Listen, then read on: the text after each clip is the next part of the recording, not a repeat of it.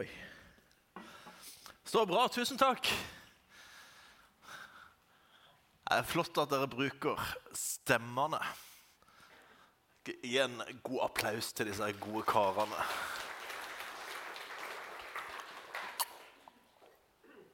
Godt å ha dere med oss. Silje, så gøy å ha deg tilbake i aksjon i Salem i dag. Takk for at du er her.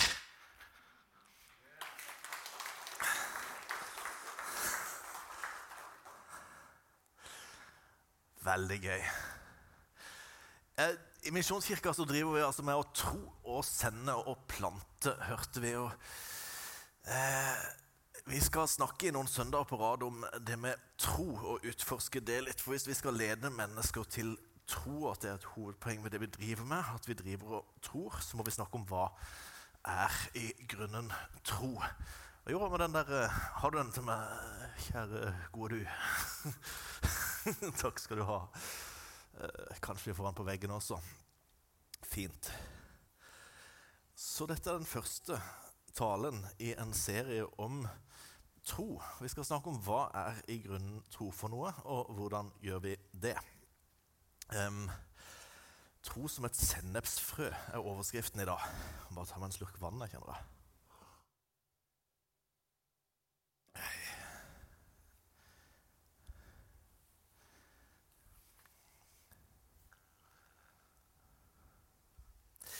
Vi skal begynne i Lukas 17, vers 5 og 6.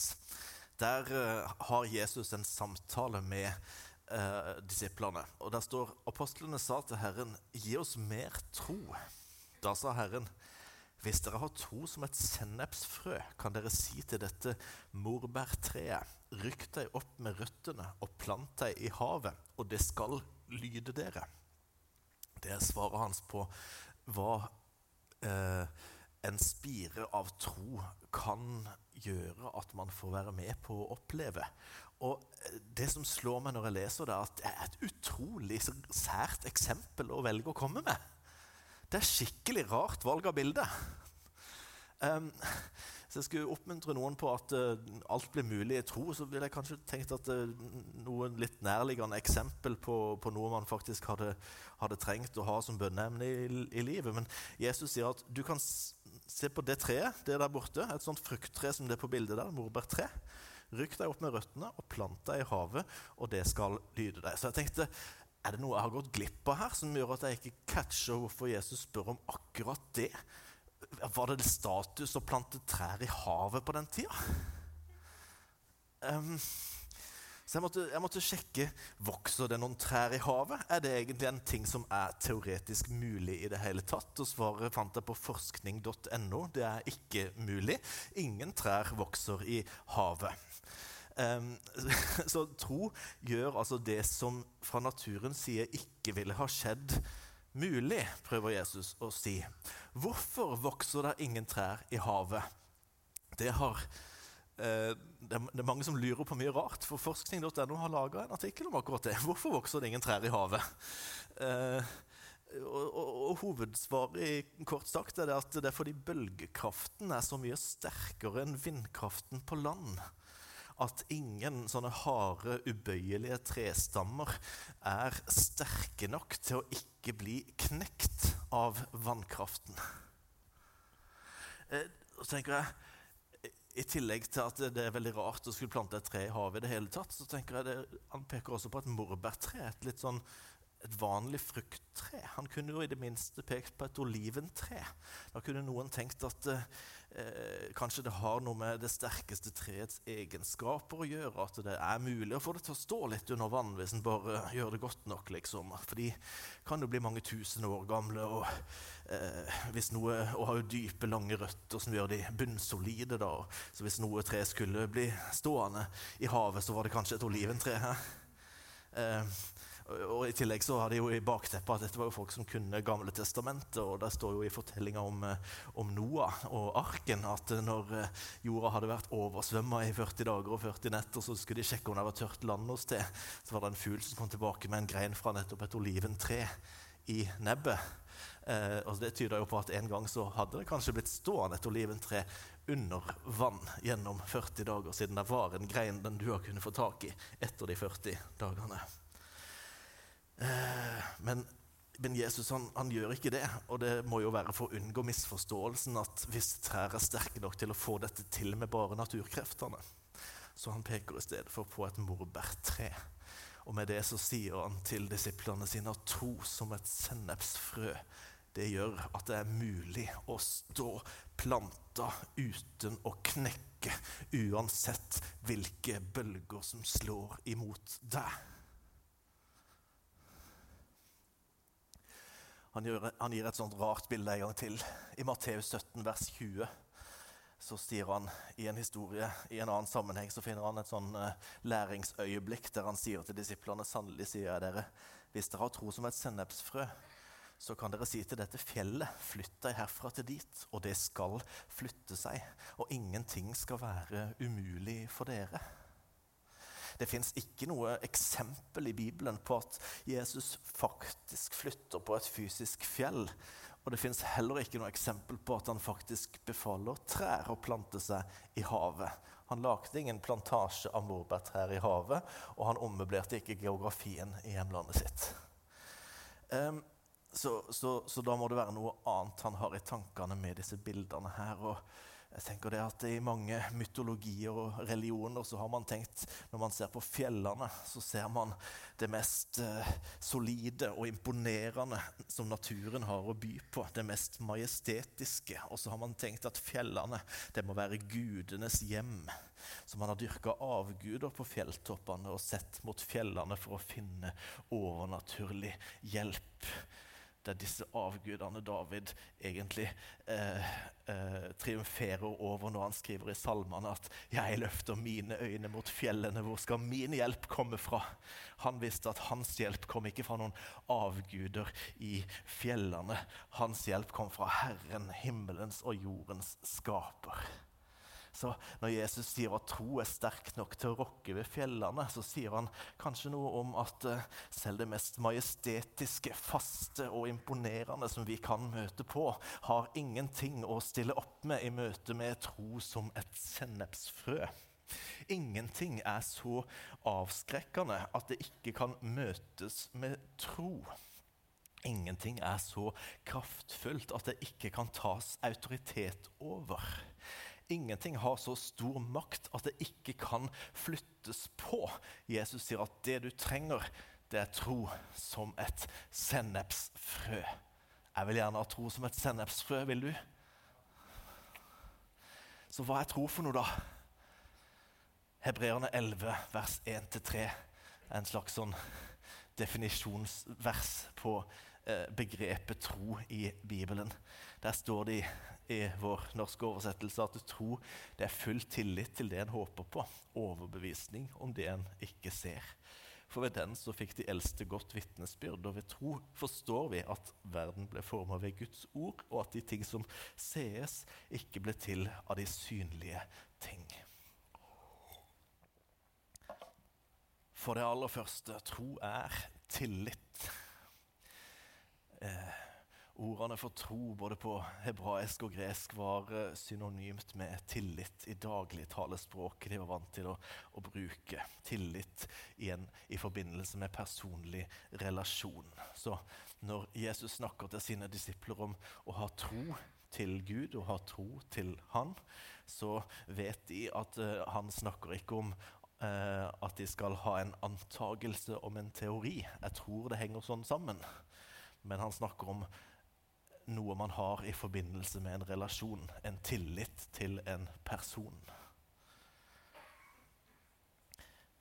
Eller tillit til en guddom, eventuelt.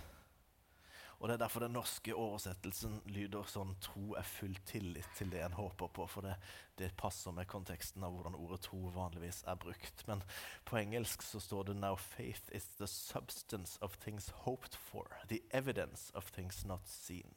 Tro er altså substansen av det du håper på. Eh, og, og, på gresk eh, så, så, er det et substantiv som er brukt for å beskrive hva tro er. Da står det 'tro er hypostasis', som betyr tro er grunnvollen. Tro er det alt det andre bygger på. Tro er grunnmuren på huset, om du vil. Grunnmuren på huset som er bygget på fjell. Jesus fortalte jo en lignelse om en klok og forstandig mann som bygde et hus på fjellgrunn.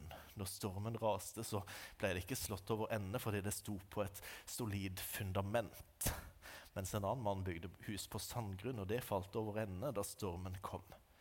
Huset er det livet du bygger, med dine valg, med din vandring. Fjellet du trenger å stå på, det er Gud sjøl. Han er din klippe, han er din tilflukt, han er ditt sikre vern. Og grunnmuren som forbinder fjellet med huset, det er troa. Så tro er tillit til Gud. Og tro er grunnmuren som hele livet ditt hviler på, og som setter deg i kontakt med Gud og i berøring med hans omsorg, hans planer og hans gode vilje for deg. Og ikke minst, tro er en gave. For av nåde er dere frelst ved troen, står det i Efeserne 2, 8 og 9. Og det er ikke av dere selv, det er Guds gave. Det er ikke av gjerninger for at ingen skal rose seg. Og hypostasis, grunnmuren, det er et substantiv, ikke et verb i denne sammenhengen her. Man kunne lage et verb av ordet å bære, å være den bærende kraften. Men verbvarianten av det ordet er ikke brukt noe sted i Det nye testamentet. Vi er ikke kalt til å være de som selv bærer våre egne liv. De som selv bærer ansvaret for å komme i mål. De som selv bærer vår egen grunnvoll. Vi er kalt til å stå på en grunnvoll som vi får av bare nåde. Derfor kan vi ikke gjøre tro, men vi kan ha tro fordi vi kan få det i gave. Right? Så hvordan får du tro? Det også gir jo Bibelen en veldig praktisk oppskrift på. I Romerne 10, 17 så står det at så kommer da troen av det en hører. Og det en hører, kommer ved Guds ord. Dette er Guds ord. Eh, altså, ja, så kommer da troen av det en hører, og det en hører, det kommer ved Guds ord. Guds levende ord. Hva er Guds ord for noe? Det her er Guds ord. Det er levende, og det er kraftig. Og når du tar det til deg, så skaper det tro. Og Guds ord, det er såkorn eh, en lignelse i Markus 4. Nå skal vi gå litt inn i Markus 4. og Så skal vi ta noen vers fra hele det kapittelet og se litt på helheten i noe som Jesus underviser om der. Der lærer han disiplene at Guds ord det er noe som virker på samme måte som såkorn virker i naturen. Han sier når han begynner på en lignelse, hør, en såmann gikk ut for å så. Og det hendte da han sådde, at noe av såkornet falt ved veien, og himmelens fugler kom og spiste det opp. Og noe falt på steingrunn hvor det ikke var mye jord, og det spirte snart, siden det ikke hadde dyp jord. Men da solen steig, så ble det avsvidd, og fordi det ikke hadde rot, så visste det bort. Noe annet falt blant torner, og tornene vokste opp og kvalte det, og det ga ingen avling. Men noe falt i god jord, det spirte, det vokste, og det ga frukt. Noe 30 ganger det som ble sådd, noe 60 og noe 100. Og Jesus forklarer utilslørt at det er ordet dette handler om. I vers 14 sier han såmannen sår ordet. Og disse er de ved veien hvor ordet blir sådd. Når de hører, så kommer Satan straks og tar bort ordet som ble sådd i deres hjerter. Og på samme måte er det med dem som blir sådd på steingrunn. Når de hører ordet, så tar de straks imot det med glede, men de har ingen rot i seg. Derfor holder de bare ut en tid. Når det senere kommer trengsel og forfølgelse for ordets skyld, så tar de straks anstøt.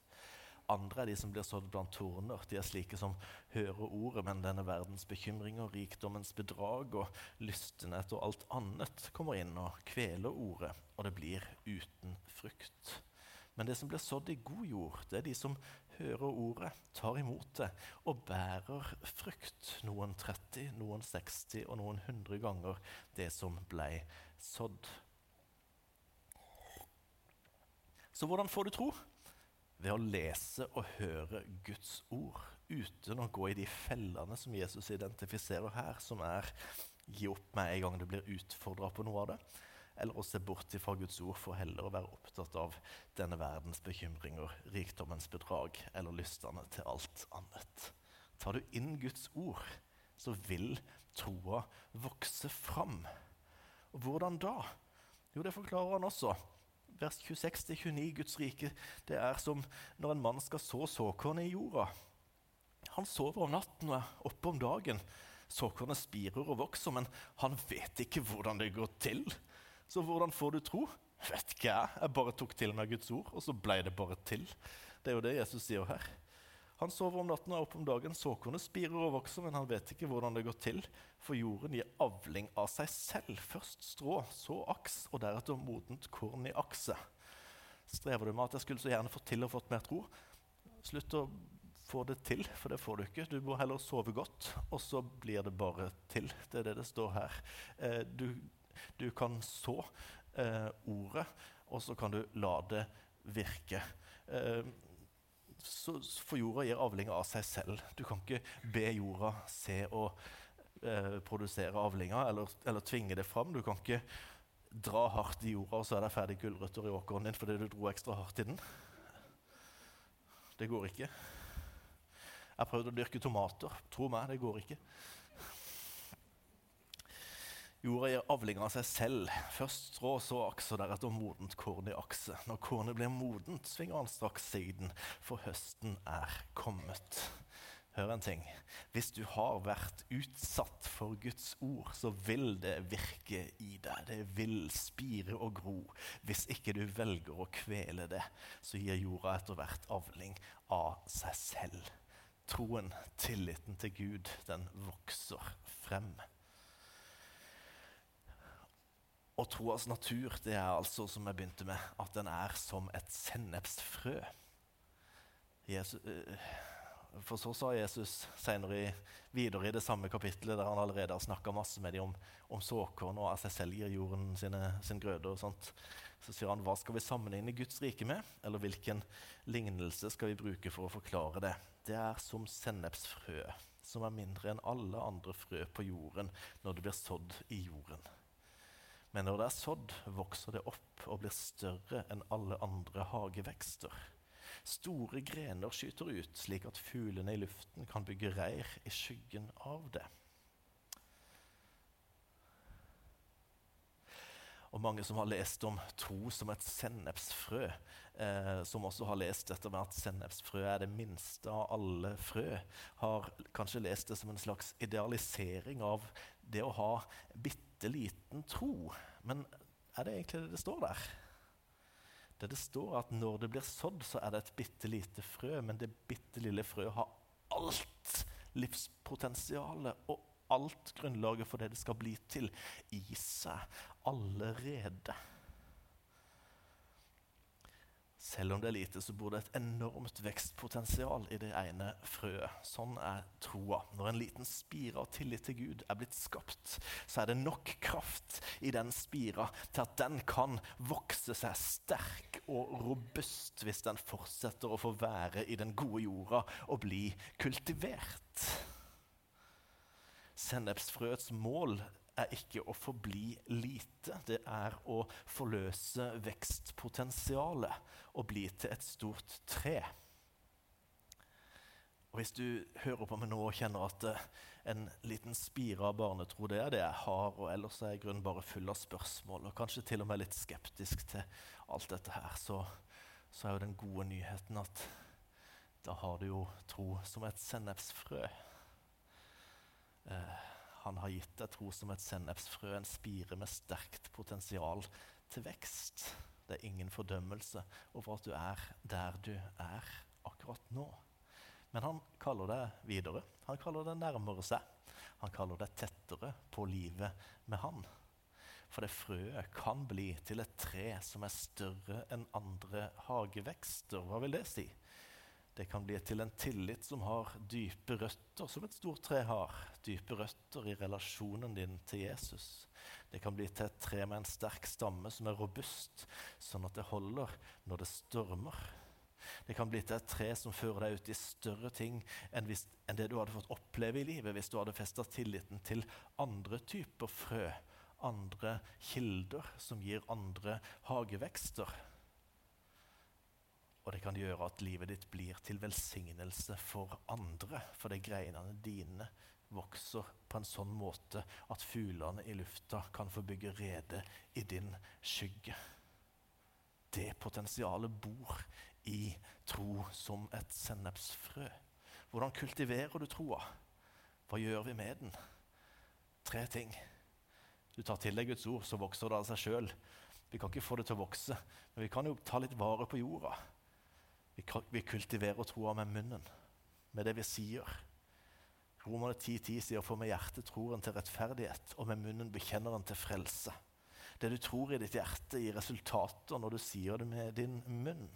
Vi leste i Hebreerne 11,3 at ved tro så forstår vi at verden ble forma ved Guds ord, og at de ting som sees, ikke ble til av de synlige ting. Han talte, og det skjedde, står det om hvordan Gud skapte verden. Han bøy, og det sto der. Og for oss som er skapt til hans bilde, så står det at død og liv er i tungens makt. Vi skal ikke drive og fornekte faktiske tilstander, vi skal snakke sant om livet. Men så kan vi samtidig bruke munnen til å snakke sant om Han vi tror på.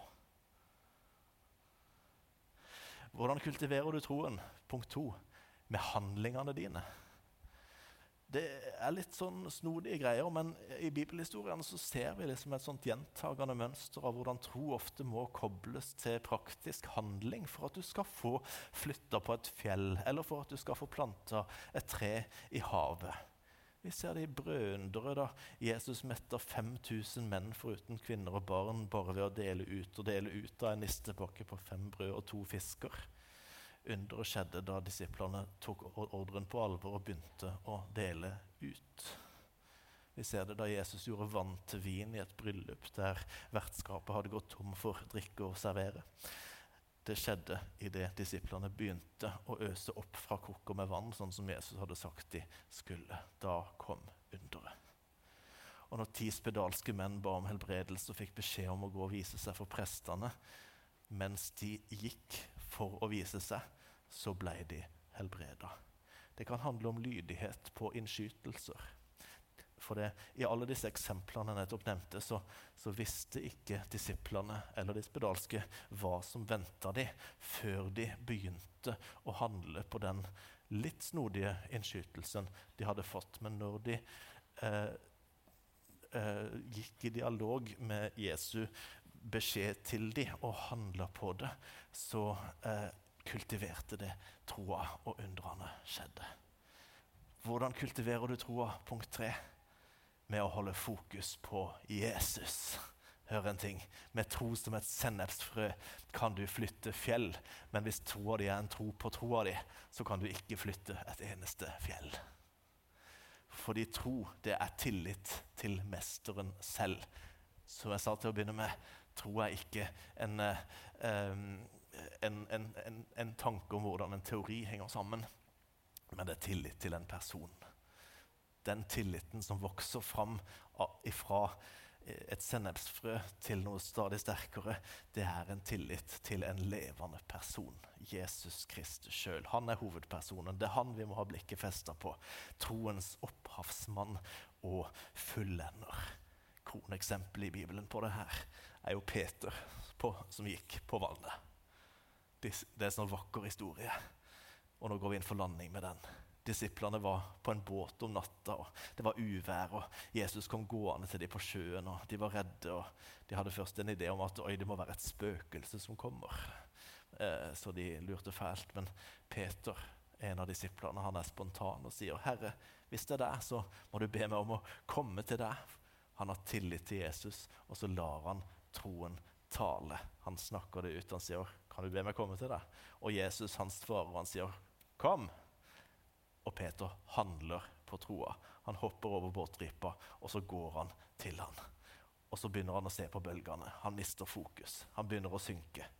Så roper han på hjelp. Hjelp, jeg synker. Bølgene var litt høye her. Men så flytter han blikket tilbake til Jesus igjen. Han refokuserer. Og så blir han dratt opp. Og så slutter historien med at han går videre på vannet etter at han har blitt dratt opp igjen. Han finner tilbake til fokuset på han som vi tror på. Og på samme måte så er det med deg. Han kaller på deg. Han drar deg over båtripa, og han hjelper deg opp igjen når du synker. Jeg vet ikke hvor du er akkurat nå i, i ditt liv. Kjenner du på at han kaller deg til å kultivere troa di, sånn at du kan høre når han sier 'kom', og har sjanse til å respondere på det? Kanskje du er på et sted i livet der han utfordrer deg til å gå over båtripa til å gå i tro. Kanskje du har prøvd det. Kanskje du har sunket litt fordi det har vært bølger rundt deg i det siste. Ta hånda hans. Du kan gjøre det i dag. La han dra deg opp igjen. Han står med utdrakt hånd til deg akkurat nå. Nå skal vi straks ta nattverd sammen. Og da skal vi få lov til å komme til han. Om du har en dyp tillit eller en tro som du så vidt kan identifisere som et lite frø, så er du uansett velkommen til nattverdsbordet. Det kan være den troshandlinga som du trenger, der du sier til han at jeg vil, ha, jeg vil ha kontakt. Jeg vil ta imot frelsen. Jeg vil ta imot den redninga som, som du har gjort klar for meg. Fordi han døde på korset, Jesus, for alle menneskers skyld. Da tok han på seg alt som holdt både deg og meg borte fra et evig liv sammen med en god Gud. Og han betalte alt det som vi var skyldige. Jeg og du, vi kan få evig liv og være sammen med han bare ved å ha tro, bare ved å ha tillit til Jesus. Å komme til nattverd kan være en måte å si til ham at Jesus, jeg vil ha den tilliten til deg. Så nå skal vi eh, bli leda i en sang sammen, hvis dere kan eh, komme opp. Og så skal vi, eh, når vi har sunget sammen, ta nattverd sammen.